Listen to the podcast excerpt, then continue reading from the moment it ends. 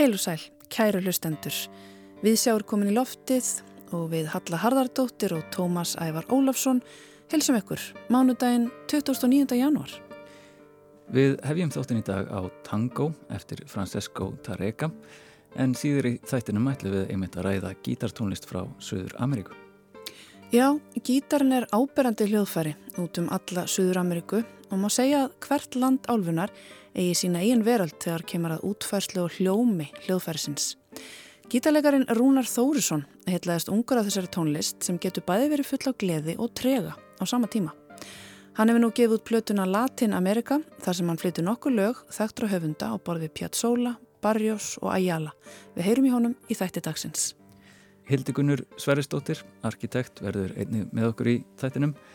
Í dag fjallar hún meðal annars um Östuvöll, heilaga staði, grjót, völd og tjöld. En við hefjum þáttinn á því að velta fyrir okkur myndlist sem miðli í mótmælum.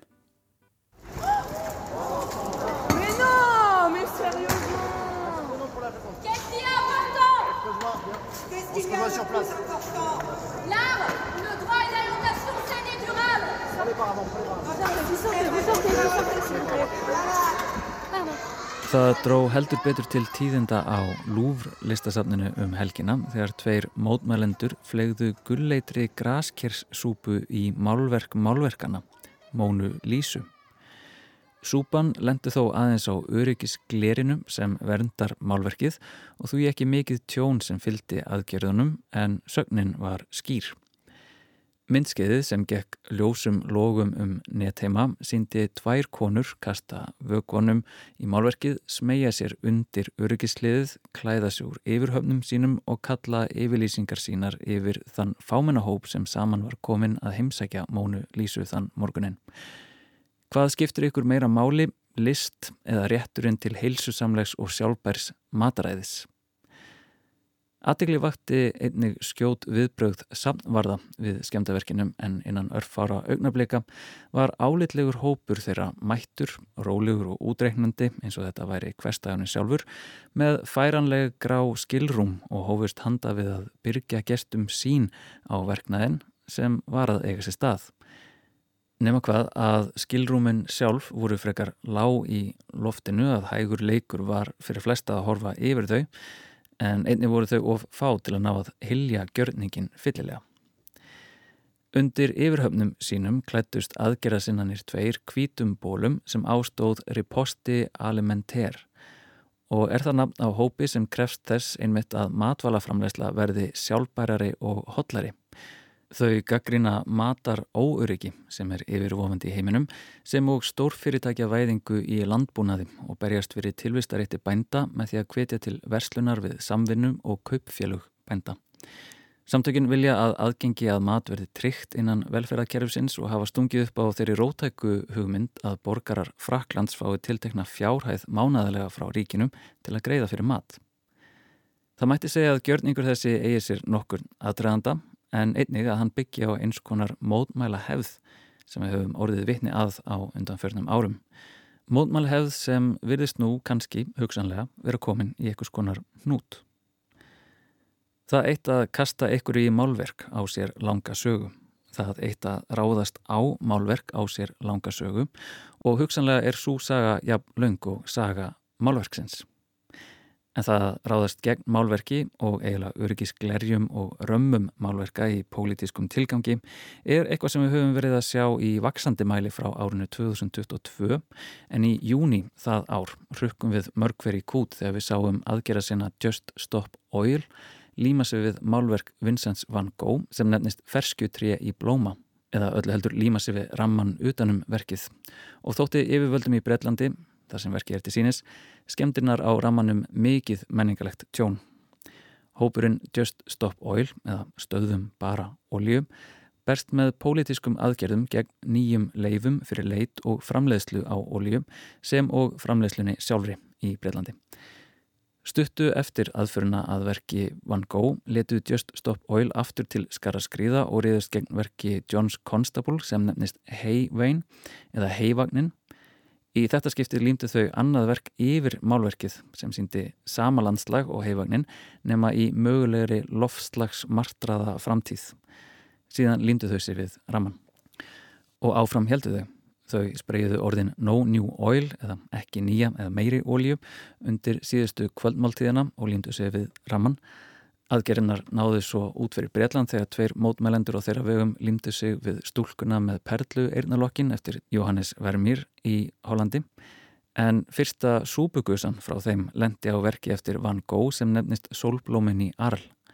Þá köstuðu tveir mótmælendur tómatsúpu úr dós á verkið og límdu sér síðan við vekkin undir verkinu, ekki á ramman í þetta skiptið.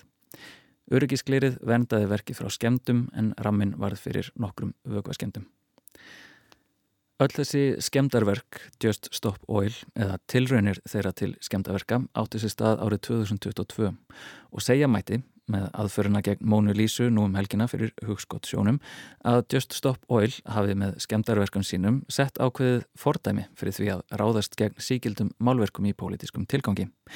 Svo gott fordæmi að þegar ég sá myndbandið þar sem aðgerar sinnanir köstuðu súpu á Mónu Lísu hugsaði ég þetta hljóta að vera einhvers konar lofslagsmótmæli eða óljumótmæli en raunin var önnur.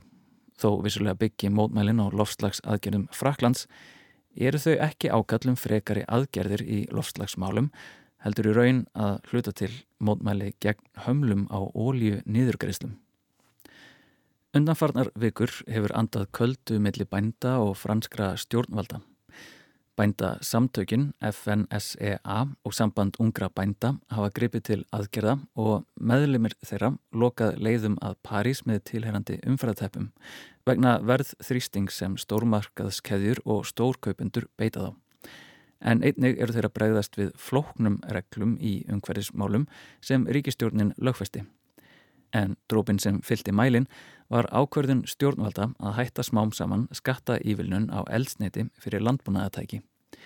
Fórsetis ráð þeirra landsins, Gabriel Attal, hefur tilkynntum aðgerir sem eiga að koma til mótsviðbændur Þar á meðal lofaði hann að binda enda á hækandi eldsneitiskosnað og að stofna neyðarsjóð til að hjálpa kúabændum í glímu við veikindi í stofninum.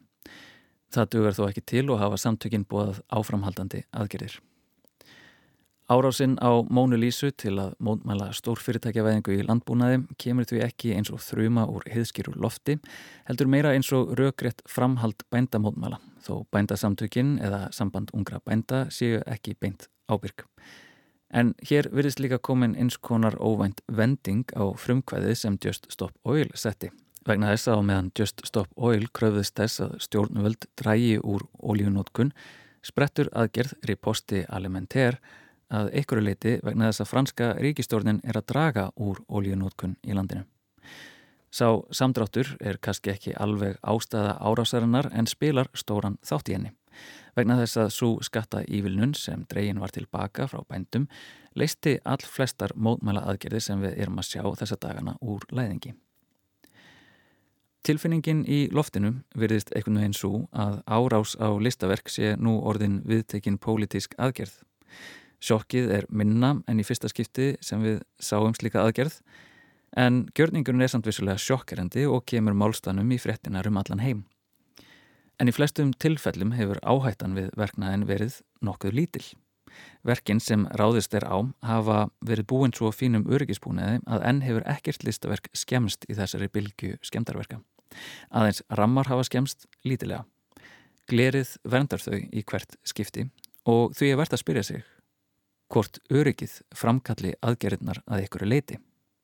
Það er mun framkvæmanlegra að sletta súpu á Mónulísu eða blóminni Arl vitandi að verkið er örugt á bakvið glér, heldur hann að ætla sér að hella gruggugum vögvanum beint á mörg hundru ára listaverk.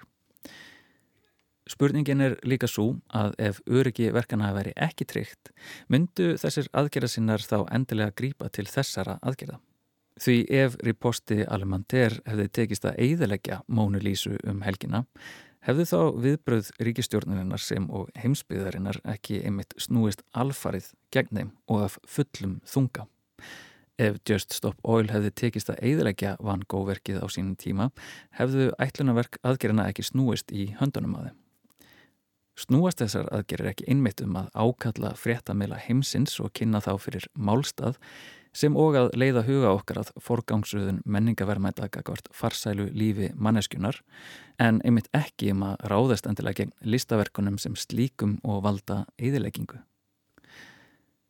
Hvað sem því líður þá er vístaður í posti Alamenter tókst svo sannlega að vekja máls á matar óriki og tilvistarókn bænda um helgina og það án þess að skemma eitt helsta listaverk frönsku þjóðarinnar. Og annað sem síndi sig enn og aftur og það er að borgarar Fraklands eru svo sannlega góðir í mótmælum og pólitískum aðgerðum. Quand nous chanterons le temps des cerises et guerre rossignol et merle moqueur seront tous en fête.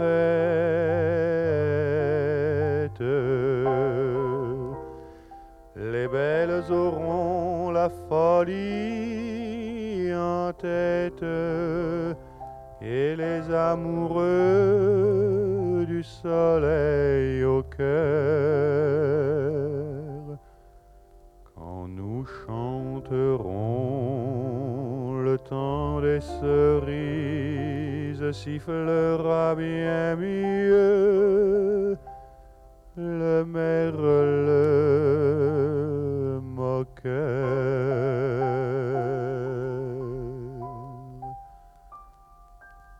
Mais il est bien court le temps des cerises où l'on s'en va de cueillir en rêvant des pendants d'oreilles.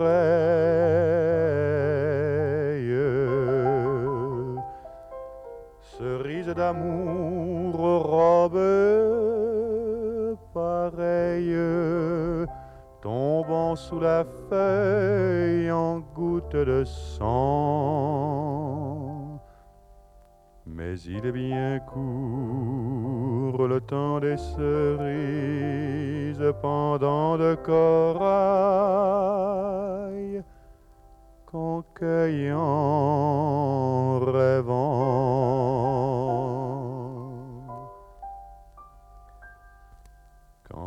Quand vous en serez au temps des cerises, si vous avez peur des chagrins d'amour, évitez les belles.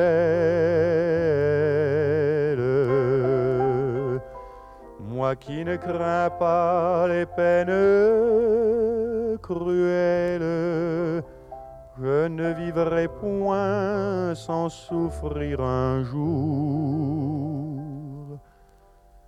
Quand vous en serez au temps des cerises, vous aurez aussi des peines d'amour.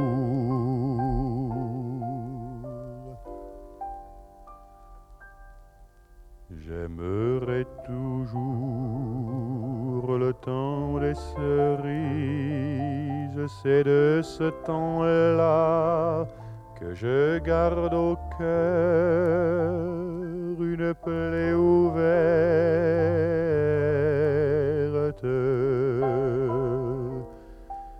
Et dame fortune en m'étant offerte ne pourra jamais fermer ma douleur. J'aimerai toujours le temps des cerises et le souvenir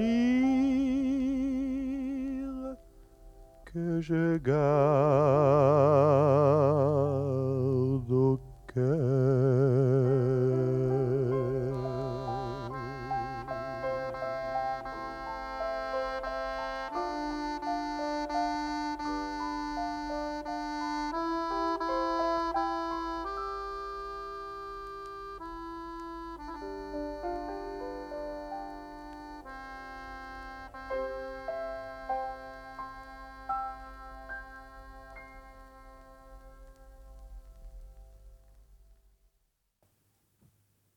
Læð Le Temps de Cerise, tími kissuberjana, sungið af Yves Montand, lag frá 1866 úr smiðu Jean-Baptiste Clement en var það söngur mótspyrnu og vona í frönsku borgarastyrjaldinni 1871. En þá er komið að Hildigunni Sveristóttur, arkitekt, sem að þessu sinni beinir sjónum sínu meðal annars að Östurvelli, völdum og tjöldum. Kæru lustundur, í dag ætlum við að skoða samstæðu afar áhugaverðra bygginga og rýma. Almenningskarð, hóvara domkirkju, þinghús úr massífum steini og tjöld. Östuvöllur er í raun tomt rými í sjálfu sér en tekur á sig mismunandi áru og hlutverk sem byrtast og hverfa eftir ástæðum. Undarverna vikur hefur myndast talsvært fár um litla tjaldborg á Östuvelli framan við Altingishúsið þar sem hópur palestinumanna hafðist við og hefur verið ákveðnum hópi fólks tyrtnir í auga.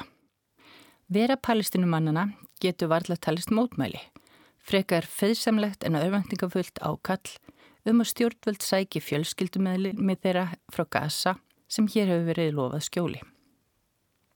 Einalið palestinumanna út úr Gaza nú er að Erlendríki hafi veitum vernd. Beiti viðkomandi ríki sér, komastu yfir landamærin þar sem vendaríkin sækja þau.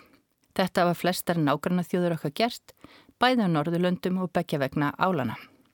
Þúsundum palestinumanna hefur verið bjargað og þennan hátt úr óbærilegum aðstæðum. Þetta hefur Ríkistjórn Íslands ekki gert og það er það sem fólkið í tjöldunum við Östuföll var að byggðila um. Um byrtingamindir þessa ákalls á Östufölli eru nótuð orð eins og skjelving og skömm. Þessi sjónarmið um nótkun og eðli rýmis eru afar umhugsunaverð. Þetta er þó langt frá því að vera fyrsta skiptið sem tjaldað er á Östufelli. Á 19. öld slóðu erlendi ferðamenn og landsbyðafólk þar gerðnan upp tjöldum og áðu með reyðskjötum sínum. Á síðustu árum hefur verið tjaldað á Östuvelli í tengsli með mótmæli, meðal annars alþjóðlugur hefingarinnar Occupy Now. Tjöld er annars merkileg fyrirbæri, hvorki sterk niður varanleg. Þau eru gertna notuð í kjölfar vár og sem afdrepp hinn að jæðarsettu, skjól í flótamannabúðum, heimilislausra og fíkla. Fólk hérlendis hefur ekki farið varhluta af því og sumir jáfnvel þurft að gista í tjöldum vegna ástands á húsnæðismarkaði. Hópur Íslendinga, þar á meðal kynsegin fólk, hefur dvalið tjöldum på alistunumanna og líst þeirri samkjönd sem myndast millir þeirra sem upplifa sig jáðarsetta í samfélaginu. Víkjum náftur að hugtökum um vægi og hlutverk rýmis. Í áðunundum ummælum var lögð áhersla á helgi austurvallar og það varpa fram spurningum um hvað völlurinn sé og hvað gera hann heilagan. Hver er merking þessa? Með vísin í domkjörkuna sem við völlin stendur má velta fyrir sér hvort hér sé vísaði trúarlega helgi eða jafnvel þjóðverðninslega á sama hátt og ekki mátti slökkva á þjóðsögnum á sunnudagskvöldum. Í ríkistróni er rætt um heilagan anda sem kraft frá Guði til að hugsa, tala og starfa samkvæmt tals vilja. Í biblíunu kemur fram að heilagt verkefni fylgjenda að Guðs sé að dreifa boðskap hjálpræðis. Það er ekki að fjarlæga hýna, heldur beinlýnis forða þeim frá hínu ítla. Grunnstef kristina trúar og samfélagssínar er ummyggjan, kæralíkurinn, elskan til okkar sjálfra og náungans. Heilagur staður merkir friðlist svæði, frátekið til yðkunar helgra aðtafna. En áhið heilaga að vera ósnartilegt. Fríðhelgi alþingis, sangvært stjórnaskrá, er einnig nefnd en sífn skoðuð er í 37. grein hennar vissulega tekið fram að alþingi sé fríðhelagt. Hér er þó líkum verið að ræða um annars konar byggingu en alþingisúsi sjálft, frekar hinn líðræðislega ágrænsvettvang. Hvergi er það minnst á alþingisbygginguna, hvað þá Östruvöll sem fríðhelg. Í 37. grein er staðsetning alþingi skilgreind að hún skuli jafna verið Reykjavík en tildegi heimilisfang ekki tilgreint hvað það bóð um helgi húsnúmersins. Er hægt að tólka Östruvöll sem ósnertanlegt og heilagt fyrirbæri.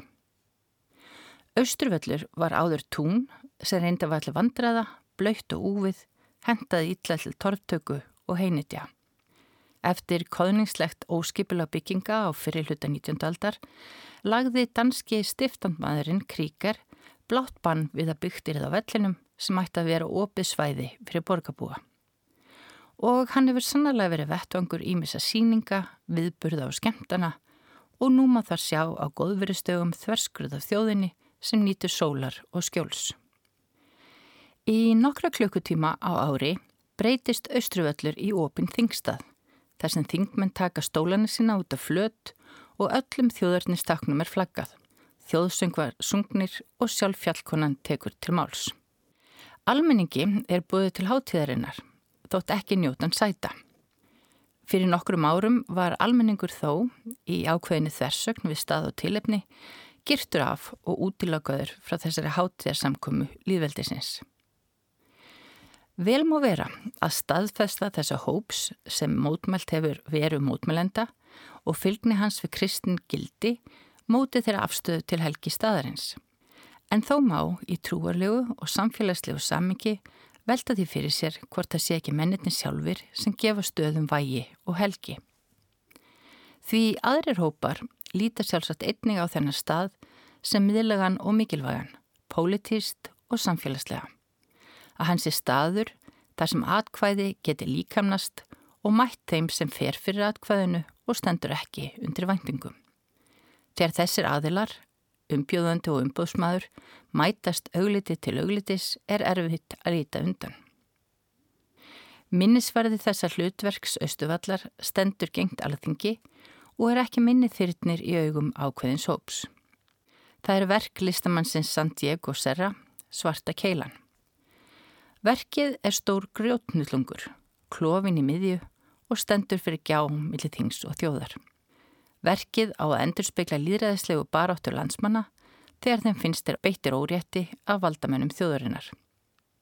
Og Austuvöllur hefur sannlega verið hinn augljósi staður þar sem þjóðfélagstegnar kalla eftir eftirfylgni lofórða sem umbóð þeirra til tingmanna byggðist á. Í einu vetfangi breytist rýmið úr almenningskarði í átakaflutt. Hvort hans sé heilagur staður skal ósagt látið en hann er eitt gildislaðnasta rými okkar líðræðis. Í krafti átaka umbreytist hlutverkans. Allt frá 1905 hefur völlurinn verið vettvangur fjölmarkra mútmæla og átaka en það er réttur fólks til hugsan og tjáningar bundið í stjórnarskrá. Þau harfítugustu voru sennilega árið 1949 vegna eingöngu í NATO en mótmæli fara jafnan friðsamlega fram þó kannski með afgerandi hljóðum en sjaldan líkamlegum átökum. Austuvöllur er þó á nokkus efa í eigu borgarbúa, Austurvöllur er vettvangur almennings. Og völlurinn er hlaðin táknum. Ekki eingöngu stend þar stittan af Jóni Sigurssoni sem sumir telja helga en aðri fulltrúa þjóðurinnar eftir ákveðna afhelgun hans sem þjóðardýrlings á síðustu áratugum klæðan upp í bleikt og búninga þegar það á við. Gaggrinnendum tjálpúðuna verðist ekki síst standa stuggur af þeim mynda ósuma að Erlendur fáni hangi sem tákn frammi fyrir alþingi Íslendinga. Það er þó kannski ákveðin tvískinungur og það verið skleimast að á burst alþingisbyggingarinnar hefur í tæft 150 ár hangið tákn Erlendra þjóðar, skjöldur Kristjáns nýjunda. Það er áhugavert að það tellist skamlaust að sitja undir tákni fyrrum yfirbóðara en þóla ekki tákn fyrir baráttu lítilla þjóðar, fyrir sangjörnum lífskilirðum og frelsi fjölskyldna sinna sem á sama tíma tapa tölunni. Grundvallarspurningin er þó af hverju tjöld ógnið því þungamusteri sem alþengishúsið er með sínum 80 cm þykku veggjum. Þessi litli Davíð á móti góliati grjótsins. Hvaða ógnvænlegu völd hafa tjöld til að hrista á þennan hátt upp í hópi fólks? Samfélög hafa tilneingu til að íta hennu óþægilega út í aðrana, úr auksinn. Jæðarinn ógnar svo með skukkum sínum og óutryknileika hennu góða og skipulaða, reyna lífi sem samfélagið sækist eftir. Hinn er ósáttu og þeir jæðarsettu, ógnar stöðuleika hins viðtekna veruleika. Tjöldin, þessar viðkvæmu skjólbyggingar, sem ekki myndu lifa af sumanótt á sprengisandi, hýsa jæðarinn sem byrtist úr skuggunum og tekur sér bólsetu í tjöldunum. gefur til kynna að fólk sé ekki á förum að það sé tilbúið að býða unslausn finnist. Austurvöllur verður hlutgerfing raunveruleika sem er óþægilegur og skjelving ósmæklegur fyrir suma en nýstandi harmur annara. Áminning um ófyll lofórð og ójöfnuð er vísast óþægilegt að horfast í augu við þegar augun sem mæta eru í raunverulegri mannisku. Það er erfitt að hunsa fólk í einn personu. Þau tákn sem fylgja raska ró og hrista upp í viðteknum kerfum, vekja óta íhaldsamra abla, eru byrtingamind veruleika sem fæst okkar hafa upplifað og margir vilja heldurloka úti til að viðhalda einn þægilegu heimsmynd. En það er erfitt að líta framhjá. Það er erfitt að breyðast ekki við, augliti til auglitis. Það er vald tjalds.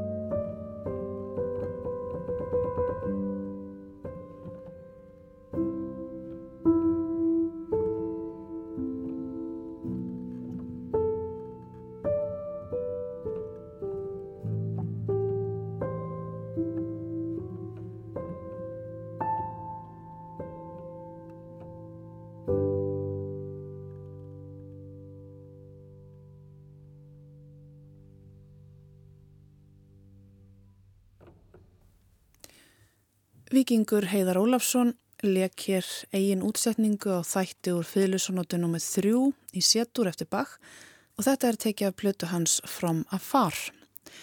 Og þetta lag hljómaði hér eftir Hildikunni Sverristóttur, arkitekt sem að þessu sinni var með vangaveltur um austurvöll, heilaga staði, líðræði, tjöld og völd. Rúnar Þórisson, gítarleikari, hóf sinn tónlistaferil sem gítarleikarin í vestfiska popbandinu Grafík. Síðan hefur hann átt farsalan feril og átt samstarfið fjölda listamanna. Rúnar gaf nú nýverið út sína sjöttu soloplötu sem kallast Upphátt með liðsinni ímissa listamanna en einnig var hann að gefa út aðra plötu þar sem hann og gítarin eru í aðal hlutverki og kallast hún Latin America en á henni er að finna gítartónlist frá Suður Ameríku. Heyrum hluta úr lei.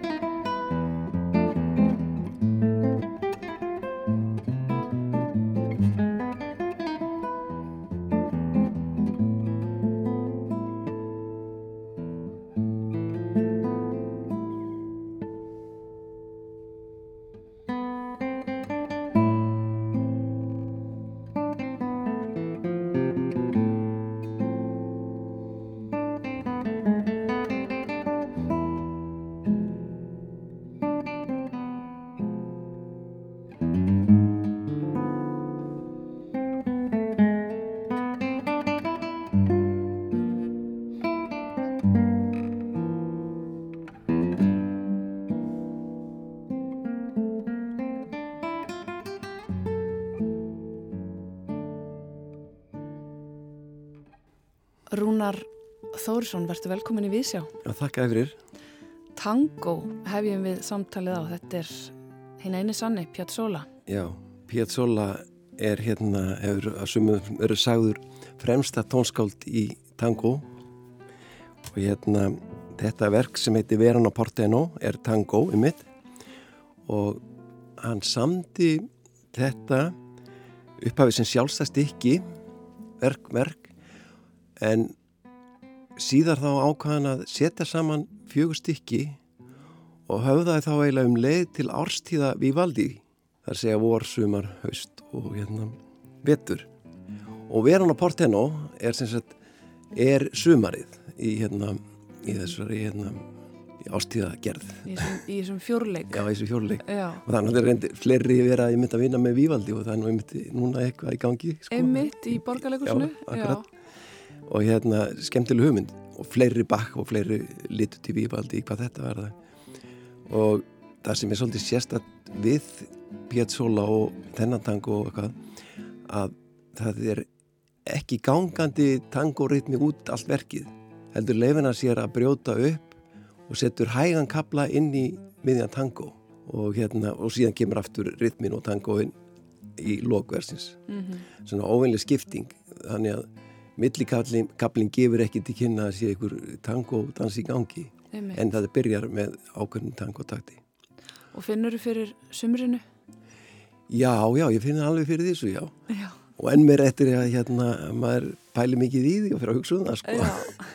Og ekki veitir af núna Sko, Rúnar, þú ert búin að leika á klassískan gítar um árabil þó að kannski, já, þú hófst náttúrulega þinn feril í hennu góðsagnakenda vestfyrska poppandi grafík, Já, má eiginlega segja það. er það ekki? Jú, En þú lærðir uppalega klassískan gítarleika það ekki?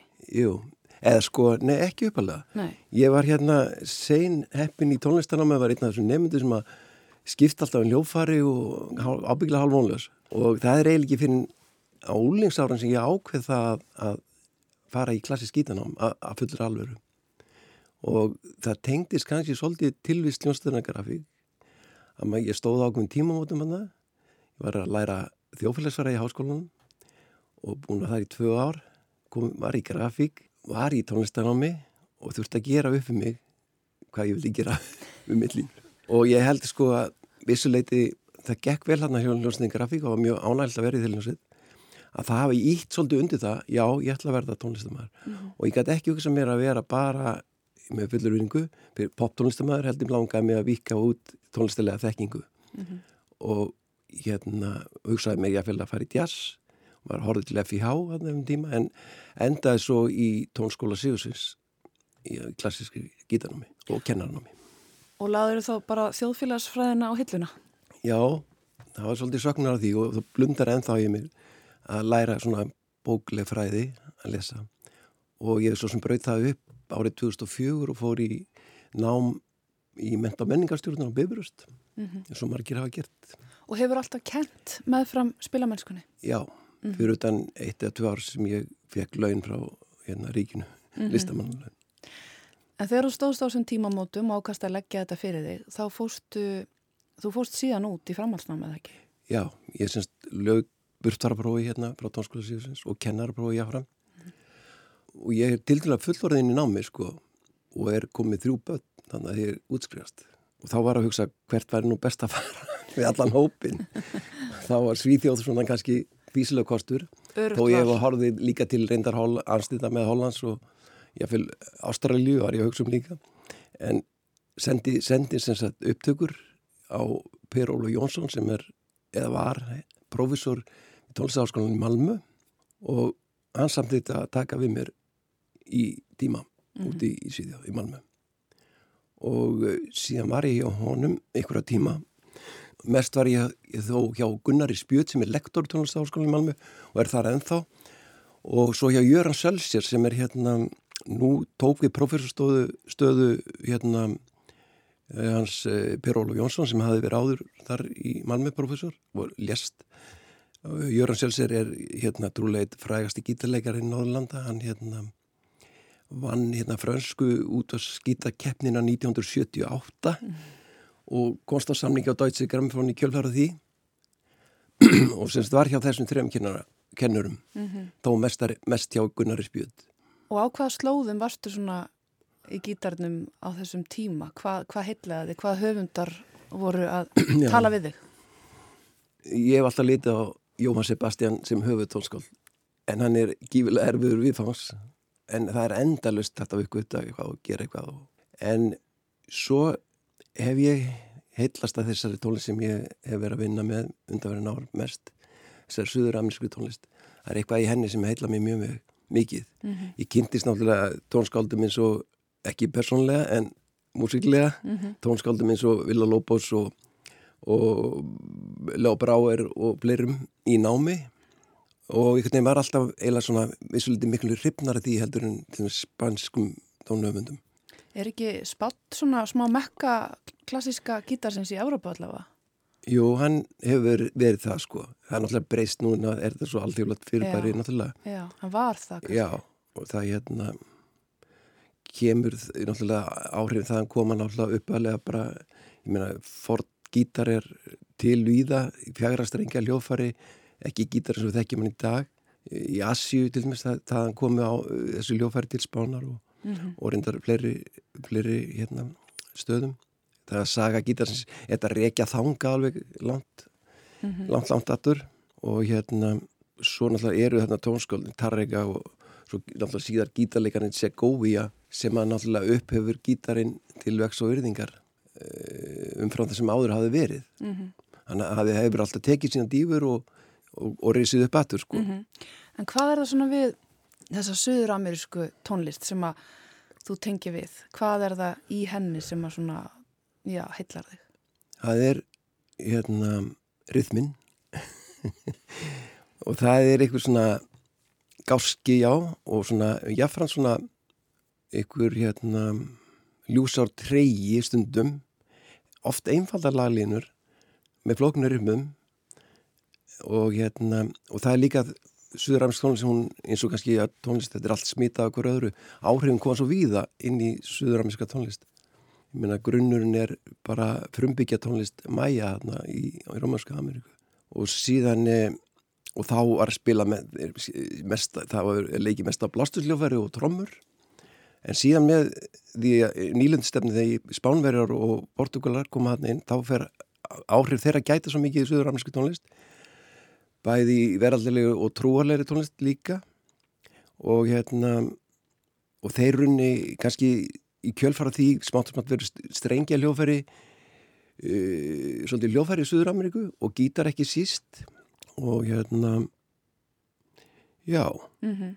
og er ekki líka er ekki alls konar gítarar maður ímynda sér sko að þú veist það er allt annað, allt annað hljómur til dæmis bara í Andesfjöllunum og svo Mexiko það sem er meira svona mariachi minni gítar er það ekki, eða hvað? Jú, það er alls konar hérna náttúrulega strengja hljófæri í gangi Já. eins og við sjáum bara hérna í, í þessari hérna flutning á þessari söðuramsku tónlist maður sé lítil strengja hljófæri og það er vera mm. svona næstin eins og mandolín eða og, og svo alls konar stærðir af gíturum og, og þess að það er Einmitt það er einmitt þetta sem þú segir með gáskan og, og tregan, það er eitthvað svona ángurverð alltaf já. sem að minni stundum bara á flamengo eða eitthvað. Já, það eru náttúrulega, já, örgulega flamengo áhrif líka í söðuramsku tónlið sko. Og svo er náttúrulega þessi afrisku dansa líka sem hafa áhrif á, á, á þessa enna rithma í, í söðuramerku þannig þetta er, já. Suðupottur Já, algjör suðupottur og svo setni tónskáldin eins og Leo Bráer og leri, þá koma þessi alhjóð þjóðlegu svona nútíma tónlistar stefnur inn í þessa músika. Þetta er svo rosalega eitthvað spennandi, þú veist, það er dans, það getur verið fallið melodi og það getur verið svakalega omstriða á mhm. sama tíma.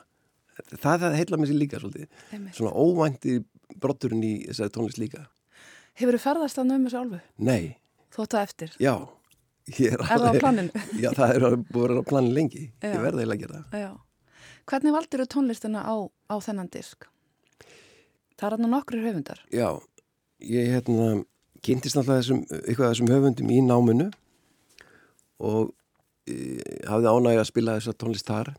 Uh, síðan þegar við kem heim þá erum við svolítið að spila, ég og félag minn sem hafi verið, verið með mér í námi, Henrik Bjarnason heitir hann og kallum Duo de Mano og tókum upp gísladisk með söður amerísku tónlist og þar byrjaði þessi leit svolítið síðan eh, árið 2016 þá fer ég markvist að skoða e, höfunda og, og tónlist e, frá Suður-Ameríku til þess að vinna sjálfur einlegsverk þannig og með þá fyrirætlan að taka það upp síðar. Það er náttúrulega eins og flestið að maður fer bara á netið, mm -hmm. YouTube eða, eða googlar eitthvað og finnur verk og hérna velu það sem mann finnst eh, skemmtilegt og höfða tímans mm -hmm. og byrja að ræfa það bara mm -hmm. Þú tókst plötun upp í, í hérna Sörbæðakirkju í Kvalferði Já Akkur er þar?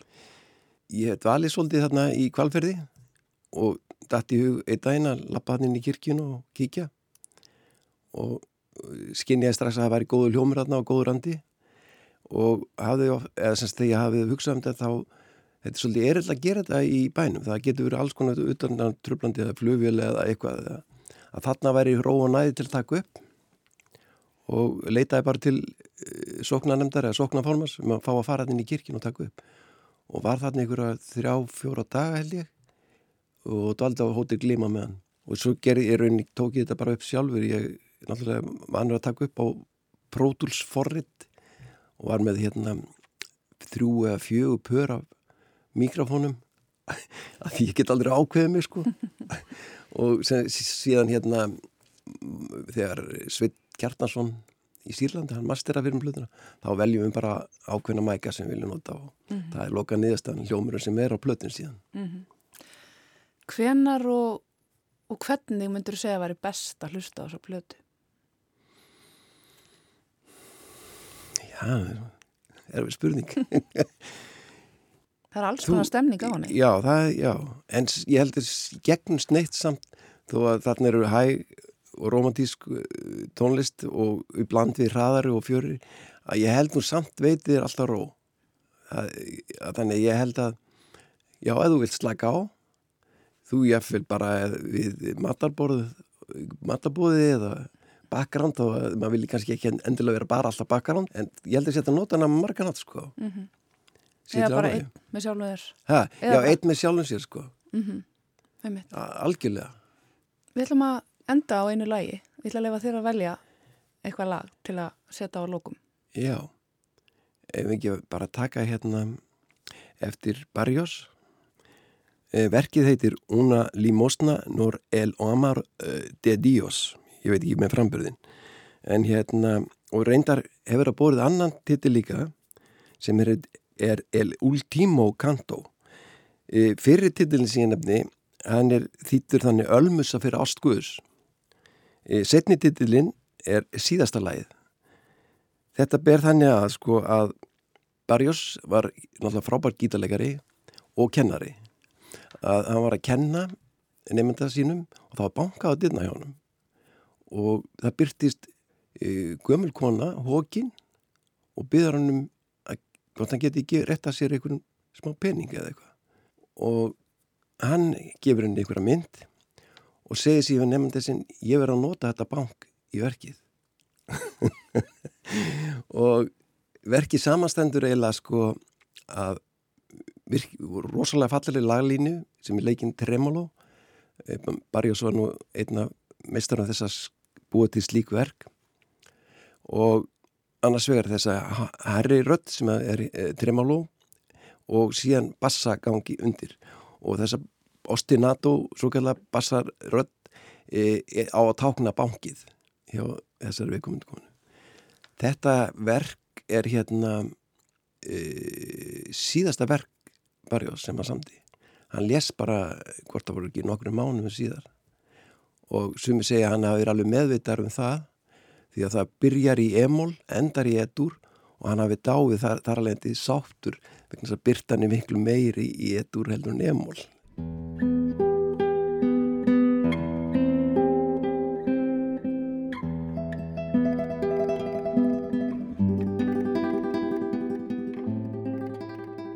Una limosna por el amor de Dios eftir suðuramerska tónskaldið Ágústín Barrios og þetta er af nýri plötu Rúnars Þórissonar. Og það er á þessum tónum sem við endum við sjá í dag. Við verðum hér aftur á morgun um fjöguleitið. Takk fyrir að hlusta og verið sæl. Verið sæl.